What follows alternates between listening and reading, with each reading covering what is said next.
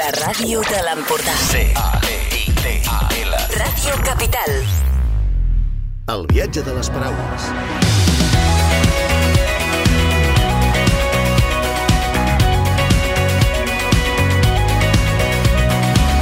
Benvinguts i benvingudes al Viatge de les Paraules, el programa de llibres i viatges de Ràdio Capital. Som en Xavier la Cristina de la Viatgeria. La passió pels viatges i la lectura ens va portar a obrir una llibreria i agència de viatges a Calonja, que forma part del primer poble de llibres de Catalunya. Amb el viatge de les paraules volem crear un mapa de destins i lectures que us serveixin d'inspiració per escollir el vostre proper llibre o viatge. Recorrerem mons reals i de ficció a través de les novetats literàries i dels llibres de fons que s'amaguen als prestatges de les llibreries. I durant aquest recorregut també farem parades per explorar països i racons del món, descobrint els paisatges, la cultura i les, i les seves tradicions. Ens acompanyeu? Com sempre, començarem amb la pila de llibres, un espai on avui us seguirem donant propostes per regalar. Per després continuar amb el mapa de on viatjarem a un indret del món per descobrir la seva cultura, els racons i, com no, lectures per acompanyar aquest trajecte. A l'últim programa us vam donar la següent pista, un país que es defineix en la paraula taranga. Avui viatgem fins a Senegal.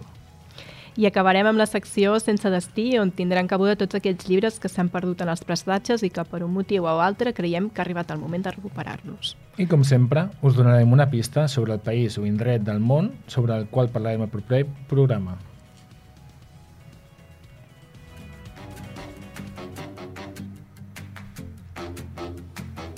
Pila de llibres. Xavier, pot ser que avui comencis amb un dels viatges que més m'ha agradat fer?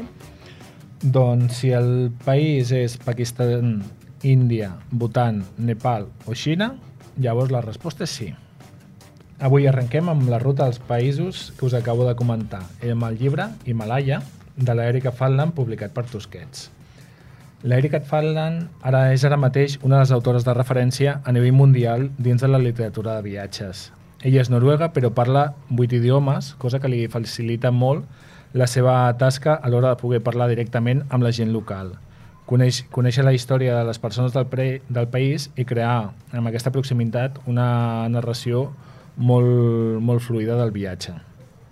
Els seus llibres es caracteritzen no per ser els típics viatges d'anar a un país, anar a una ruta ja coneguda o anar a una ciutat en concret, sinó es mm, caracteritzen més per ser viatges a off the records, no? a fora de ruta. Eh, són viatges que no són els habituals. Per exemple, en el seu primer llibre, ella va viatjar amb Sovietistan, ella va viatjar per 17 repúbliques soviètiques i el, les va anar visitant, valorant com estaven actualment gairebé 20 anys després d'acabar el règim polític anterior i qui quedava d'aquest antic règim i què recordaven. Després amb el segon llibre, que és La frontera, ella es dedica a recórrer la frontera més extensa del món, que és la que composa entre Rússia i els 14 països que, que l'envolten. Comença en Corea del Sud i acaba, i acaba fins a Noruega, que és el, seu, el país on, on ella va néixer. Per aquest, per, per aquest viatge ens va descobrint diferents paisatges, com va canviant tota la, els tipus de clima i ens analitza la importància de viure molt a prop o, o viure a l'ombra d'un país tan gran. I en aquest, en el seu últim viatge, eh, que és Himalaya, creua des de Pakistan a la Xina i sobretot ens destaca les eh, cultures i religions diferents que es troba durant tot el seu trajecte. En molts casos ens parla de que no hi ha una frontera física amb aquest espai de muntanyes, si són fronteres invisibles, però que sí que la sorprèn moltíssim de pujar una muntanya on hi ha un temple hinduista i en quan baixa la següent vall es troba que hi ha un, un temple budista. Llavors, una vegada més, en, aquesta, en aquest llibre, la Erika Falland ens sorprèn per la seva proximitat, per el contacte amb les persones, el que, el, el que els arriba a preguntar i el que aquestes persones li, li contesten. És una forma de, de, de, dibuixar els paisa, de dibuixar els països, però ho fa a través de les persones i és el que la caracteritza. I ara, mm, que me l'he guardat per no fer-la al principi, dels països que he dit abans, quin és el, el que has viatjat? A Bhutan. Va ser un dels meus viatges somiats i, i em vaig enamorar del caràcter de la gent, dels paisatges i de la seva manera de viure. I de la teva experiència, quin destaques? No sé si has pogut llegir el llibre de la Erika. Encara no he tingut temps de llegir-lo, és, és, una, és una novetat, però en tinc ganes perquè Sovietistan em va agradar molt. Debutant, si vols, en podem parlar algun dia perquè, entre altres curiositats, es considera el país de la felicitat. Un cop més tornem a parlar de la felicitat Exacte. amb un nou programa. Molt bé. Ens anotem pel 2023. Perfecte. I mentrestant jo segueixo amb el segon llibre. Perfecte. Vale. Una proposta que sortirà a finals de setembre, que va sortir a finals de setembre, però jo fins fa poquet no, no, no m'havia enterat d'aquest llibre. És La fàbrica de canalles, escrit per Chris Kraus i publicat per Salamandra. Ens situem en un hospital bavarès a mitjans dels anys 70, on en aquest hospital comparteixen habitació un senyor gran que té una, una bala allotjada al cap i un jove hippie pacifista. El senyor gran decideix explicar-li la seva vida en el seu company d'habitació i va desgranant una sèrie de la part més fosca de l'Alemanya de després de la Segona Guerra Mundial, on es, es van descobrint on van anar a parar tots els que havien format part de, dels nazis i de la CSS. Poc a poc va, va desgranant tota aquesta informació. Tot això parteix de que el mateix autor és que es va trobar que fent un, un treball de recerca va descobrir que el seu avi havia sigut, un, havia sigut nazi i que havia, havia participat en diferents actes horrorosos durant la segona, segona Guerra Mundial. D'un dia per l'altre, t'ho imagina't, que és de ser el teu avi a convertir-se en un criminal de guerra. Llavors, a partir d'aquest fet, van començar a investigar tant el seu passat familiar i acabar reflexionant sobre on van anar a parar aquest miler de persones que formaven part del nazisme, si es van poder reincorporar sense més a la seva vida anterior i com ho van fer. Si existia la possibilitat de no participar eh, en el partit o si era suficient disculpa per tot el que havien fet al nosaltres complim ordres durant la guerra. D'alguna manera, en tot això, ell ens condueix amb l'argument la, de l'explicació de l'avi o del senyor a l'hospital, ens condueix a fer aquesta reflexió de si qualsevol de nosaltres, en les circumstàncies adequades, podem arribar a prendre camins que mai hauríem pensat. Un llibre que sembla, que sembla dur. I, I ara que estem acabant l'any, alguna cosa més alegre per començar amb bons propòsits, per exemple? Vinga, va, convido jo. A què em convides? Mm, que quedi clar que és el títol del llibre, no és que jo convidi. Quasi. El llibre convido jo, de la Hannah James Parkinson, editat en català per Univers i en castellà per, tiza, per Círculo de Tiza, però amb el títol L'alegria de les pequeñas coses, és més que res això, l'alegria de les petites coses. La seva autora publica una columna setmanal en el diari britànic The Guardian i reflexionar sobre els petits plat, plaers de la vida, des de coses molt petites, altres que no hi restem cap importància, com poden ser les butxaques a una peça de roba. I ella, mitjançant els articles, on barreja el seu punt de vista, sempre amb humor i amb un punt d'ironia, ens ho va recordant.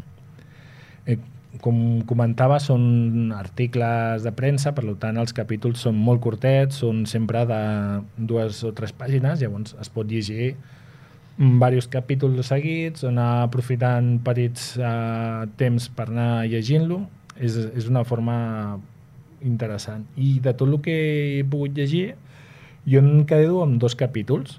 Amb el dret a no acabar un llibre si no t'agrada i en les fotografies en blanc i negre.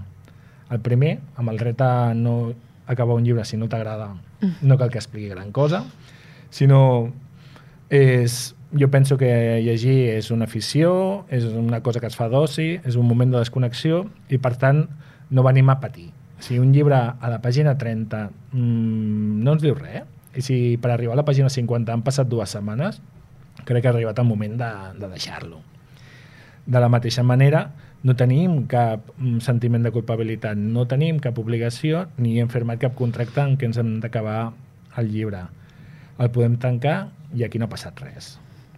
Per altra banda, el de les fotografies de blanc i negre, ara que està tan de moda eh, fotografies saturades per penjar les, a les xarxes socials, que es vegin, que tal, trobo que té la seva màgia, que té la seva característica diferent, la fotografia és en blanc i negre, igual que l'autora. I tu, Cristina, quins destacaries? Abans estava follejant el llibre i, i m'ha creat l'atenció dos, dos capítols. Un, les frases fetes en altres idiomes, perquè jo realment no trobo un petit plaer, perquè a vegades no, et fas, uns, et fas una mica d'embolic amb, amb segons quines expressions d'altres Sí. idiomes. I, I la tassa de te, per, per, perquè tenia curiositat de saber què li abocava a, a l'autora, no? Aquest, a, aquesta tassa de te. Quines altres propostes de llibres ens portes? Doncs ara us faré una doble recomanació. Eh, dos llibres, que per una banda tenim el llibre de les bicicletes del Paul de Mor, editat per Cirola, i per l'altra banda el gran llibre de les bicicletes de Blacky Books. Uh, tots hem notat que d'alguna manera l'ús de la bicicleta està augmentant en els últims anys, tant per l'ús diari com per l'ús recreatiu o per l'ús esportiu. Un altre tema serien els motius, perquè la gent ho està fent, si és per salut, ecologia o pel preu del carburant. Però um, hem notat que hi ha un augment amb això. Llavors, aquests dos títols, el primer, el llibre de les bicicletes, el situem per a un públic d'entre 10-12 anys, ja que ens explica tot i de tot sobre les bicicletes. Curiositats de la invenció, de la seva evolució, del, del, seus, del seu ús i tot el que hi ha al voltant del món de les bicicletes. També fa es- esment de grans curses com poden ser el Tour i de personatges especialment, que això és com una característica, artistes que sempre van estar lligats a l'ús d'aquest mitjà de transport.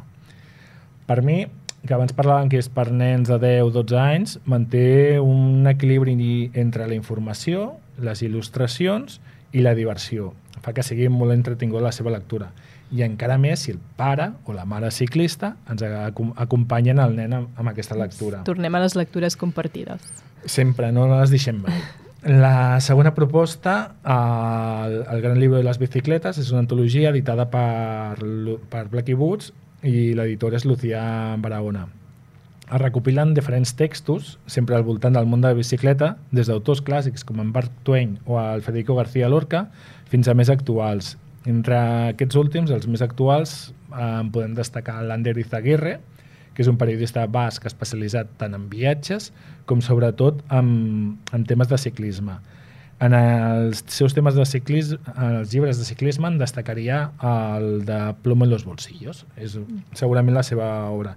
I com a altres autores també podem fer esment de l'autora de la Meri, Meriem eh, El Medati, nascuda al Marroc i resident a Canàries i que ha tingut un gran èxit amb el seu llibre Supersaurio, on parla del treball i de l'esclavitud que suposen alguns moments i està molt bé. Com a punt ja curiós, fora d'autors coneguts, també hi participa en Guimón Mar Martán, que és un ciclista professional, encara que continua en actiu, ell escriu un text, ja que el que ell, a part de ser esportista, també està llicenciat en filosofia i el seu doctorat el va fer amb la relació que té l'esport amb la filosofia de, eh, de Nietzsche. Ah, llavors, és, és, és una dada És curiosa. curiós, sí. sí. A més, amb el llibre aquest del Gran Llibre de les Bicicletes, els textos estan agrupats per diferents tipologies de bicicleta, des de bicicletes urbanes a bicicletes de curses o cicloviajes, o el que ara és més conegut com el bikepacking, que és el, és el que està més de moda. Uh, jo personalment, amb els uh, llibres de Blacky Books, uh, sempre tinc un problema, que el jutjo per la seva portada. Què vull dir? Són llibres que sempre tenen un, il·lustracions, un format, uns colors, com molt juvenils, com molt desenfadats, però després els obres i realment dintre hi ha obres molt interessants, com és en, a, en aquest cas. I jo crec que aquest és un regal ideal per afegir a la carta dels Reis dels ciclistes de la casa. Totalment, un doble regal, no? Pels grans i, i pels petits. Sí, sí, sí. Com... Pels petits ciclistes de la casa, clar. També. Uh, si bé com diuen en el llibre, són biciclistes. Són biciclistes, d'acord. Per això no discutirem ara.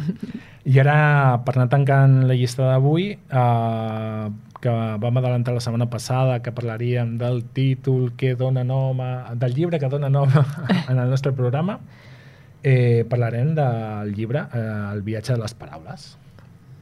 Uh, és de l'escriptora Andrea Marcolongo i l'il·lustrador Andrea Uccini. És un llibre on viatgem en el temps i en l'espai. L'autora parla de l'origen de 25 paraules i com han evolucionat el seu significat i pronúncia en les diferents llengües. Ens descobreix el món de l'etimologia, ens endinsa en un espai infinit que és l'origen de les paraules. Aquesta autora, si voleu aprofundir més en el tema d'etimologia, té algun llibre destacat com podria ser La llengua de los dioses. I per la seva banda, l'Andrea Uccini és il·lustrador, habitualment ell és il·lustrador de premsa, i el seu estil no és el que podem trobar en un llibre infantil, o no és el que esperem trobar en un llibre infantil. Sí que ell sempre fa un traçat de línies molt simples, molt clares, i on els colors i les seves combinacions són tan importants com els dibuixos. Bàsicament perquè ell s'ha dedicat molt de temps a fer gràfiques polítiques en els diaris del seu país. I aleshores, clar, posar uns colors o tal, eh, té, té el seu significat. Uh, la combinació de, de tots dos ens crea un llibre que és, no és el que esperem. Eh, troba unes molt senzill, les paraules justes i no està gens recarregat. És un llibre que ens, ens porta amb molta simplicitat a on, on volem arribar. Uh -huh.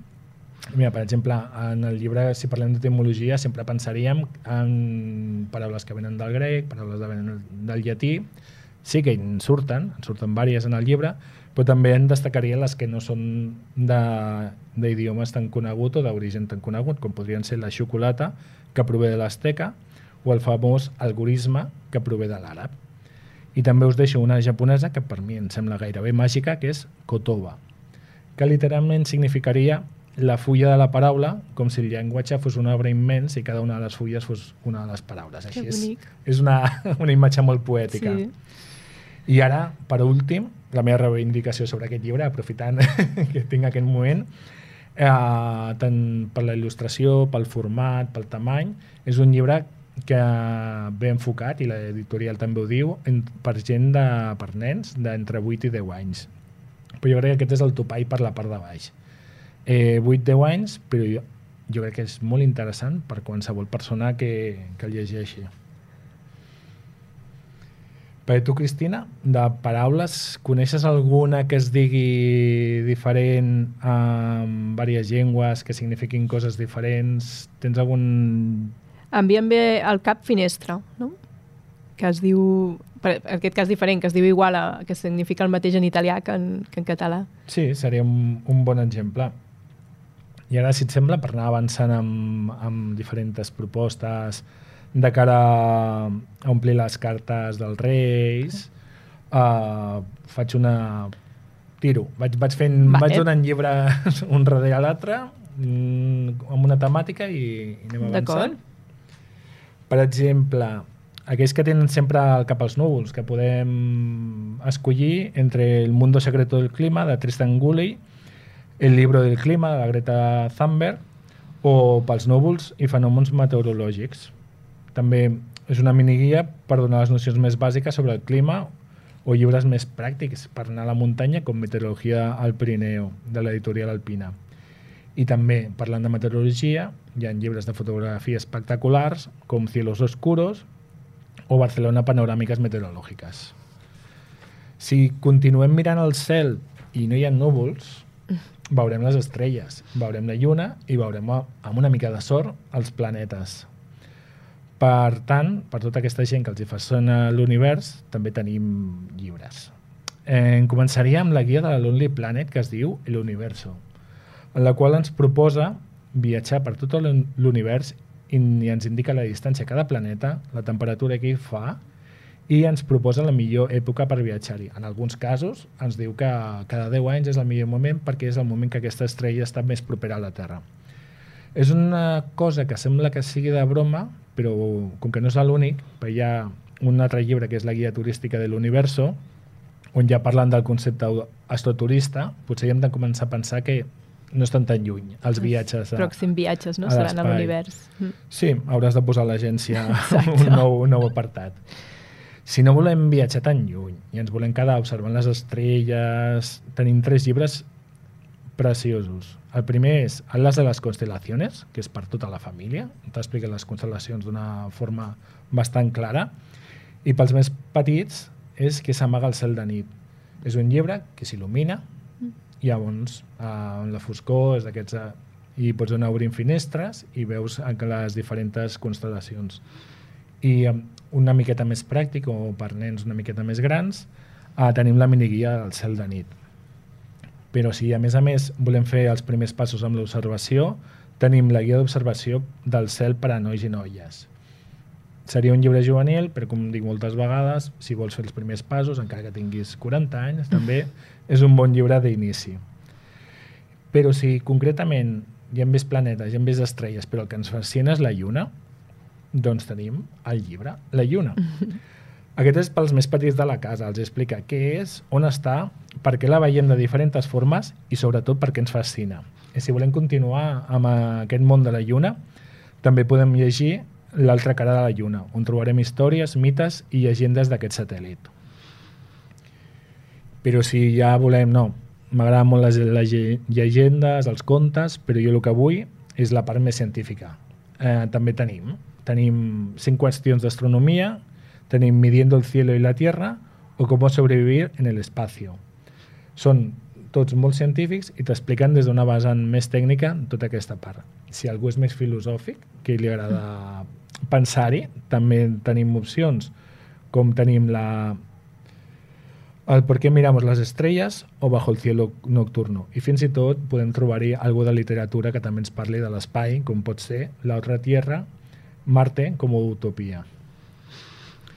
Ja per últim, si ja ens hem cansat de mirar el cel, però volem seguir mirant aquells, país, aquells que hi passegen a diari, podem també trobar llibres d'ocells. Podem partir des de la base de totes les guies de d'observar ocells, totes les guies d'Alpina, de Lins, etc i els quadres de natura d'Alpina. Però també podem nombrar el llibre, eh, que aquest és una miqueta més curiós, el comportament dels ocells del Ben Feitong, on analitza el que fan i per què ho fan els ocells i veiem que moltes coses s'assemblen al nostre comportament. És una, una cosa interessant de, de llegir. Sí, mm. parla d'ocells, però al final també parla del comportament humà. Uh, I després, per acabar, dos títols. El primer per mi és una meravella en majúscules, que es diu Aves que veo en invierno, de Rata Naturae, i és tan simple com, com això. L'autor, Lars Johnson, viu en una illa de Suècia i uh, combina la seva faceta d'escriptor, dibuixant i ornitòleg per fer aquesta guia d'ocells dels que veu a la seva illa a, a l'hivern. Mm. Semblaria, és un plantejament molt bàsic, però el que són espectaculars són les il·lustracions i els dibuixos que ha fet acompanyant el llibre. Jo us animo que, aneu, si podeu, aneu a una llibreria a mirar-lo i si no, en, eh, ho poseu a internet i veureu les imatges i és espectacular. Ara hem parlat d'imatges i per últim uh, us recomanaria un que és el sonido de la naturaleza. En aquest cas uh, ens, és un passeig per tota la fauna de la península ibèrica, en aquest cas no només són ocells, sinó que també tenen alguns animals i cada una de les descripcions de l'animal va acompanyat d'un còdec QR amb el qual, quan si te les carregues amb el telèfon, um, pots escoltar el seu cant, els seus sons. Mm -hmm. Que interessant.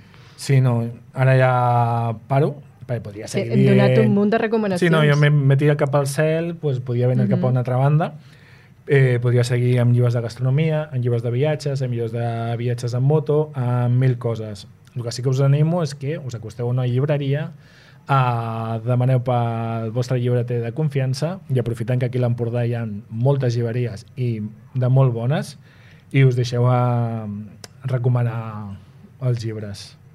Tu, Cristina, necessites alguna recomanació? Jo necessitaria un llibre que parli sobre algun gran viatge o així, però, però d'una forma divertida. No tens tu, no? No prou no. grans viatges que no. necessites recomanar. Doncs uh, grans viatges i divertits, Mark Twain. Mark Twain el tenim sempre situat, o molts de nosaltres amb les sèries o el seu llibre més famós, amb Tom Sawyer i el Huckleberry Finn però prèviament aquest home va ser un gran viatger. Aquest home es va, et recomanaria dos llibres, la guia per a viajeros inocentes i el que tinc pendent de llegir encara, uh, Pasando Fatigas. En la guia per a viajeros inocentes, ell va anar amb un dels primers viatges organitzats que es va crear en el món. Van anar als Estats Units, si no m'equivoco, fins a Egipte. I cíclicament anava enviant una crònica en el seu diari de Califòrnia. Doncs pues bé, aquestes cròniques a criticar tothom. No. És, jo crec que és, aquest home va crear la base del zero estrelles del TripAdvisor o les crítiques de pongo una estrella perquè no puc posar menys del Google Maps. És Molt bé. és molt, molt divertit. Doncs gràcies, Xavier, per totes les recomanacions. Jo crec que Reis d'Orient aniran molt carregats de llibres. Esperem.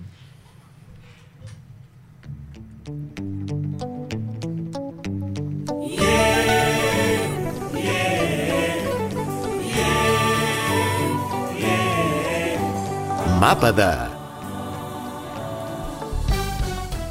Cristina, com hem comentat a l'inici, avui visitem Senegal i veig que ens segueixes descobrint paraules típiques com teranga. Doncs sí, Senegal es caracteritza per la teranga, és una paraula angolof que significa hospitalitat. Però va més enllà de com entenem aquesta paraula Occident, que potser la, la veiem més com l'assistencialisme, sinó es, es tracta d'acollir a casa teva els amics, però també els visitants. Parteix del sentit que si jo sóc en aquest món és perquè tu també hi ets, i per tant la seva base és la, la generositat. Avui ens anirem cap a l'extrem oest d'Àfrica. Uh, aquest país limita amb l'oceà Atlàntic Nord, entre Guinea-Bissau i Mauritània. Es troba entre les terres àrides del desert del nord, però també els boscos tropicals del sud. Ja ens has explicat coses, eh, ens estàs dient part molt espiritual, però jo vaig a lo pràctic. Eh, Àfrica és un país que fa calor. Quina és la millor època per viatjar? Doncs sí, com tu dius, eh, per la seva situació el clima és tropical i humit, per tant fa calor. Té dues estacions molt marcades, eh, la seca i la, la de pluges. La temporada alta va des de novembre a febrer, coincidint amb, doncs, amb la temporada seca i menys, menys calorosa. De totes maneres, l'època de pluges sempre també aporta coses bones, com pot ser el color verd dels paisatges. Al principi ens comentaves tema d'hospitalitat, que destaca molt. Què més ens podries destacar del, doncs és un estat laic que, que conviuen pacíficament diferents religions i tot i que la majoritària és la musulmana també trobem, trobem uh, la religió cristiana. I a més a més també ens trobem amb diferents ètnies com la Golof, la Polar o el Serer i el francès és l'idioma oficial, tot i que tothom també parla el, el Golof i després per cada ètnia també té la seva pròpia llengua. De fet, celebren diferents festes lligades a la, a la religió, per exemple, la peregrinació al Gran Magal a la ciutat de Touba, que commemora el retorn de l'exili del fundador de la germandat islàmica Mauride, Ahmadu Bamba, i llavors hi ha festivitats més eh, relacionades amb, la, amb, amb éssers mitològics. Tenim el, el Kangurang, un ritual que celebra a la regió de Casamans, que marca el pas de la infància eh, de l'edat adulta, del, el pas de la infància a l'edat adulta de, dels nens. Aquest és un ser mitològic que apareix, eh, surt del bosc i fan una sèrie de, de balls. I de fet, si seguim a, a Casamans, trobem una altra figura també tradicional de la, de la mitologia, aquest cas de l'ètnia Diola, i es tracta, es tracta del Kumpo, que surt a ballar vestit amb, amb fulles de palma i amb un pal al cap, li pengen una bandera de color. Llavors és un festival molt folclòric que tothom s'anima a, a, a ballar i uneix la comunitat. D'alguna manera representa els valors del respecte, de compartir i el sentit de la responsabilitat. I quina forma ens recomanaries? Quina és la millor manera de fer turisme al Senegal? Doncs primer de tot que ens, que ens fem nostres els seus valors, tot això que hem parlat de, de, del respecte, de l'hospitalitat, el compartir i, i sentir-nos convidats a, a casa seva. I abans d'entrar de, a recórrer el país, que és un país espectacular, que, que ens hi podríem perdre, m'agradaria introduir el concepte del volunturisme, que, que ve de la unió doncs, d'aquestes doncs, dues paraules, mm. no? del voluntariat i el turisme. Senegal és una de les destinacions que molta gent hi va per fer un voluntariat, per, uh, per fer um, turisme solidari, no? famós turisme solidari. Per naturalesa, als humans ens agrada poder ajudar aquelles persones que, que creiem que ho necessiten i poder portar el nostre granet de sorra quan tenim vacances, que és quan nosaltres tenim un, un temps lliure. Però hem d'anar molt en compte amb aquests, amb aquests conceptes i informar-nos bé. De vegades, els projectes de cooperació no són del tot transparents o eh, amb les seves accions i aquests mini voluntariats d'entre una o dues setmanes són, no són del tot beneficiosos per la, per la gent local. Primer, perquè tu necessites un temps per adaptar-te al, al destí i a les persones, i en segon lloc, perquè depèn de l'organització del projecte. Molts sí que ja tenen les tasques ben organitzades, arribes allà, saps què has de fer i, i t'hi poses de seguida, però, però malauradament també ens hem trobat en projectes que s'aprofiten de les persones del país per, per generar negoci. I aleshores, quin tipus de voluntariat podem fer quan estem allà? Doncs sobretot socials, educatius o també sanitaris i, i a vegades hem de ser molt curosos sobretot amb els, orfana, amb els voluntariats a orfanats perquè els nens i les nenes de seguida agafen efecte en, en els voluntaris, voluntaris que potser estan no, dos, tres setmanes, quan marxa aquesta persona, ells han de gestionar doncs, uh, aquest efecte que li han agafat i que ve una altra persona. Per tant, molt cuidado i informar-nos informar, abans. I i sobretot un, un altre tema important és l'actitud amb la qual viatgem en aquests països. Si volem fer turisme solidari, si volem fer voluntariat, eh, no hi hem d'anar des de la posició del Salvador Blanc, no som salvadors de res, ni tampoc suavitzar la pobresa amb frases com que són feliços amb el, amb el que tenen. Per tant, hem d'evitar caure l'error de tractar la, la pobresa com, com un atractiu turístic. Si fem turisme solidari o voluntariat, sí que val la pena informar-se abans de si el teu temps i els teus diners aportaran un benefici real a la població local. Bueno, jo crec que sempre és bo informar-se abans de viatjar, sigui a Senegal o sigui a qualsevol altre país. Totalment. Però bueno, som amb... Comencem amb la ruta ja? Sí, jo crec que amb aquesta informació de base podem començar la ruta. Us proposo una ruta de 10 dies que començarem a Dakar, que és la capital del país. Ens endinsarem en la ciutat per visitar el barri colonial, el mercat de Kermel i l'estàtua del Renaixement africà, entre altres atractius. I sobretot jo crec que viurem el soroll i a vegades a, a, pot ser una mica caòtica aquesta ciutat. Just al, al cantó de, de Dakar ens, eh, tenim la, la illa d'esclaus de Goré, eh, s'hi pot arribar amb, amb, amb un ferri. Aquesta illa està classificada com Patrimoni Mundial de la Humanitat. Goré va ser un dels mercats d'esclaus africans que anaven eh, destí a Amèrica. Es diu que milions d'esclaus van transitar per aquesta illa abans de, de fer el llarg viatge al nou continent. Per tant, aquí visitarem la casa Museu d'Esclaus i passejarem pels carrers adornats a bugambílies i vestits de cases colonials. D'alguna manera sentirem la pau que s'hi viu ara i com contrasta amb els, amb, els episodis, amb els episodis que es van viure anys enrere i que ens explicaran en el, en el museu. Jo crec que és un lloc imprescindible per visitar, ja que és un bon punt de partida per conèixer la, la història de Senegal. I un cop hem visitat aquesta part, coneixem ja part de la, de, de la història de, del país, en, anirem cap al llac Rosa, és un llac salat, és un llac que, conté, que té el 40% de sal, visitarem les salines i coneixerem la tècnica tradicional de recollida de la sal. De fet, veurem homes i dones treballant en el, en el llac, fent diferents feines, i per ells aquesta extracció de sal és la, la seva font d'ingressos principal. Jo, el Llac Rosa que comentaves, sempre l'havia vist a l'etapa final del Rally pa París-Dakar, és mm. correcte, no? Sí. Llavors, aquest color rosa que té el llac, que sempre m'havia sorprès, a què és degut? Doncs és degut a l'activitat d'unes cianobactèries que però no sempre és possible veure'l d'aquest color perquè depèn també de les condicions meteorològiques. Um, si volem assegurar-nos de veure el rosa, un rosa aquell ben mm -hmm. intens, uh, la millor època és entre novembre i juny i després d'haver visitat les Salines esperant veure les de color rosa, cap on ens portes? Doncs anirem cap a l'antiga capital de, Sant, de Senegal, que és Sant Louis, eh, on es poden veure els vestigis colonials d'aquesta ciutat històrica. Destacaria el barri de Sor, on hi ha una antiga estació de tren i un mercat de, de menjar. Podem comprar, mercat mm. de, podem comprar menjar allà fora i tampoc ens podem perdre el centre històric on trobarem les cases colonials que estan pintades de diferents colors, color rosa, ocre, blanc i, i blau, igual que la illa de Goré, eh, Sant Louis també va ser un punt de, de mercat d'esclaus. De, i just prop d'aquesta ciutat eh, trobem el Parc Nacional de, la, de Barberí, situat a la desembocadura del riu Senegal. És un, és un delta, on hi aniden nombroses aus, com els pelicans blancs, els cots marins, els bernats pescaires, ànecs, i inclús durant una època de l'any podem veure els flamencs roses, que, molta gent hi va per, per, per veure'ls, eh, que és sobretot el, el gener i seguidament, un cop hàgim vist, hem vist part de cultura, hem vist part de paisatge, història, però també hi ha aquesta part de, de natura, trapassarem la, la regió de Ferlo, eh, on veurem que l'arbre més comú és, és l'acàcia. I aquí visitarem pobles, farem parada a la ciutat santa de Touba, que es comentava a l'inici, que és on es va fer aquesta, aquesta peregrinació, i també visitarem el Mercat Central i la Mesquita, que es considera una de les més grans de la zona oest d'Àfrica. I l'endemà, després de fer tot això, cap on aniríem? Anirem cap a Tubac Tubacutà, és a la frontera de Gàmbia, o sigui, estem, eh, estem baixant, i allà ens espera una barca per traslladar-nos a la mítica illa de Sipo. Aquí trobem un petit poble que està governat per una reina, que el seu nom és la Fatou Mané. i um, a la següent parada serà el delta de Cine Salom, on arribarem amb un transbordador.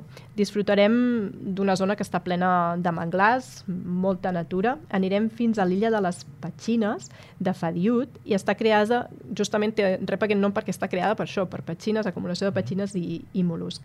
Aquí una de les coses més interessants, i que comentava al principi, que hi ha aquesta um, combinació de religions que conviuen, aquí ho veurem perquè, per exemple, hi ha un cementiri mix. Aquí enterren musulmans i, i, i cristians. A més a més, també visitar l'església i hi ha un baobab sagrat la, acabarem el recorregut a, a la platja de Sal i Portugal per descansar. I a l'endemà doncs, ens tocarà tornar a Dakar i hauran passat aquests dies volant. Oh, ara és sí. el moment de... Exacte. Llavors, quan ens planteges aquest viatge, uh, com, en, com creus que s'ha de fer? S'ha de llogar un cotxe i buscar-te la vida pel teu compte? Has de fer... Com, bueno, com funciona l'organització? Ah, Senegal és un país que pots viatjar per lliure, no, no, no hi ha cap problema. Aquesta ruta que jo us he plantejat ara és la que oferim des de l'agència i l'oferim amb guies locals que coneixen la realitat del país i, i a més sempre, sempre ens comenten abans de qualsevol viatger i vagi ens diu, mira, doncs poden portar uh, quaderns, llapis o llibretes, roba, no? coses que saben que fan falta i, i d'alguna manera mentre uh, fas el viatge tu vas deixant tot això a les associacions que vas trobant, que vas trobant pel camí és a dir, durant el, durant el viatge a part de tot això que hem comentat no? aquesta part més cultural, històrica per, per conèixer el, el país doncs també es fan parades a pobles petits a mercats, no? a, també a projectes de comunitari, comunitaris, socials, ecològics i, i educatius on podem també no, entendre quina és la, la, la seva realitat. I també tindrem l'oportunitat de provar plats, plats locals com el tibudient, un plat que és a base d'arròs, verdures i peix. El que ens dona la seguretat d'aquest viatge és que és un exemple de turisme solidari fet per persones locals, sobretot el que ens recalquen és que, per exemple, no, que els, els allotjaments estan presentats per gent local i això també fa que el negoci, al moment que tu eh, amb el teu viatge estàs aportant diners a la, a la població local, fa que aquesta gent es vulgui quedar al seu país i no vulgui marxar. No? Per exemple, comentàvem abans, no? que volen buscar uh, millors oportunitats a, a Europa. Ja ens has fet una bona proposta de viatge, amb una bona forma de fer-ho. Eh, jo demano els llibres. Jo... Sempre anem als llibres. anem eh? als llibres. doncs començarem amb Motor Soul i trobem quatre relats sobre l'Àfrica, dels quals un es, un es situa a, a Senegal i ens mostra l'Àfrica real, és a dir, la que no surt a vegades als mitjans de comunicació. Allà la vida és dura i no podem romantitzar aquesta, aquesta duresa. De fet, el llibre fuig del paternalisme que molts cops tractem als, als països africans. Com a curiositat, l'autor és català, però no sabem qui és. Ha escrit amb, amb un pseudònim, que és uh, Stalker. Mm -hmm. I, I aquí seguim amb autors catalans perquè també una autora catalana que també ha parlat sobre Senegal és la Conxita Tarruell i amb el seu llibre La força del ritme i la percussió. De fet, ens agraden molt els llibres de la Conxita perquè té una capacitat d'observació molt gran quan viatja, però és que després, a més a més, la sap transmetre en els seus llibres de, de, de viatge. Quasi pot ser la teva guia. Té no? molta energia. Té molta energia la Conxita, sí i, i de seguida ens, ens transporta, amb, aquesta observació, ens transporta a, a, doncs, al país. No? I en aquest cas a Senegal i a Gàmbia, ella hi ha estat varis cops i sobretot doncs, en destaca aquesta hospitalitat que, que comentaven um, a l'inici. Però bé, parlat d'autors catalans, anem a veure no, també la literatura senegalesa que, que ens aporta. Crec que era el segon programa, Xavi, que parlaves d'un jove escriptor, que és en Mohamed Ambugar, amb el seu llibre La memòria més secreta dels homes, pel qual ha rebut, el, ha rebut un premi. Sí, és, és un magnífic exemple de literatura africana, però sempre ens trobem amb els autors africans que escriuen des de els que han vingut cap a Europa i els que després han tornat al seu país. El que sí que ens falta molt és trobar autors africans en què visquin allà i que ens coneguem aquí a Europa. Per què? Perquè hi ha el tema de l'edició, mm -hmm. no existeix, uh, s'autopubliquen, mm, però autopublicació a nivell de... fan fotocòpies del llibre que han escrit ells, edicions de 10, 12 llibres quan els venen en tornen a fer més. Llavors és un... jo crec que hi ha molt bona literatura que no es tradueix i que sobretot no ens arriba. Llavors és un tema on, on hem de créixer i aprofitant d'aquests autors que sí que han arribat a Europa d'una manera o una altra i gaudir-los com és el que comentàvem ara. Perfecte. Doncs també m'agradaria destacar com eh, l'escriptora Aminata Sou, que en castellà només trobem la huelga de los mendigos. Segons Literàfrica, va ser la primera dona africana que va publicar una obra que no fos ni autobiogràfica ni, ni fossin unes memòries i que ho va fer en francès. Per tant, en castellà podem disfrutar d'aquest, de la huelga de los mendigos, però qui sàpiga llegir en francès i li agradi llegir en francès podrà gaudir de la, de la resta de llibres d'aquesta autora.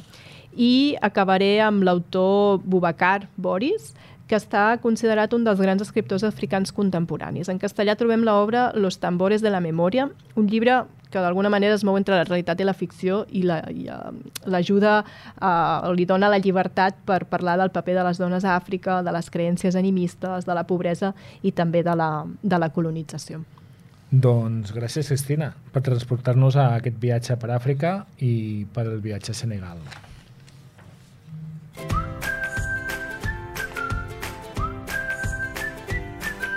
Sense destí. Doncs avui al Sense Destí parlarem d'un autor portuguès que és en José Saramago, Premi Nobel, Premi Nobel, del qual tenim dos motius per parlar avui. Primer, que el 2022 fa 100 anys del seu naixement i segon, que l'editorial Navona ha publicat en català l'assaig sobre la ceguesa, una de les seves obres més conegudes. En concret, aquest llibre, l'assaig sobre la ceguesa, ens parla d'un món en, on comença la gent a quedar-se cega sense saber quin és el motiu i com d'una forma de virus es va contagiant fins a que arriba un punt amb el qual gairebé tothom, no tothom, i no vull explicar qui no eh, ha perdut la visió. A partir d'aquest punt, l'autor ens en comença a fer reflexionar sobre la, un, un món on els que triomfen són la gent amb menys moral, la gent més egoista, i aprofita per fer... Bueno, el llibre és una gran crítica a una societat i a una forma de viure on l'egoisme i la supervivència individual està per sobre de la resta de les coses i de les persones. És una forma, a través de tot aquest um, procés, aquesta situació que es troba la gent, de poder fer aquesta crítica. Saramago és un autor que té una obra molt extensa, amb novel·la, amb poesia, en cròniques, assaig i fins i tot teatre. Però si només pogués escollir un llibre d'aquest autor, jo crec que em quedaria amb l'assaig sobre la ceguesa. Doncs moltes gràcies. El, jo crec que el traurem de les prestatgeries amagades, el deixarem a la, a la taula de recomanacions. molt bé.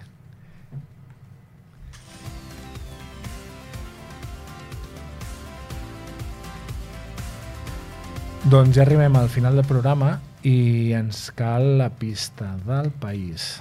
Doncs bé, pel, pel proper programa marxem cap a Centroamèrica i parlarem d'un país que et desperta amb el so i l'olor de tortillear. Amb aquesta pista acabem el viatge de les paraules d'avui. Com sempre, recordar-vos que quan pugueu, compreu els llibres a les vostres llibreries de proximitat. Moltes gràcies per acompanyar-vos. Esperem que hagi servit, us hagi servit d'inspiració. Gràcies a l'equip de Ràdio Capital podeu escoltar els podcasts dels programes a la seva web i ens podeu trobar a les xarxes socials com La Viatgeria o venir-nos a visitar Calonja, al carrer de la Rutlla número 12, on us podem recomanar llibres i destins per viatjar. Gràcies i fins al proper programa.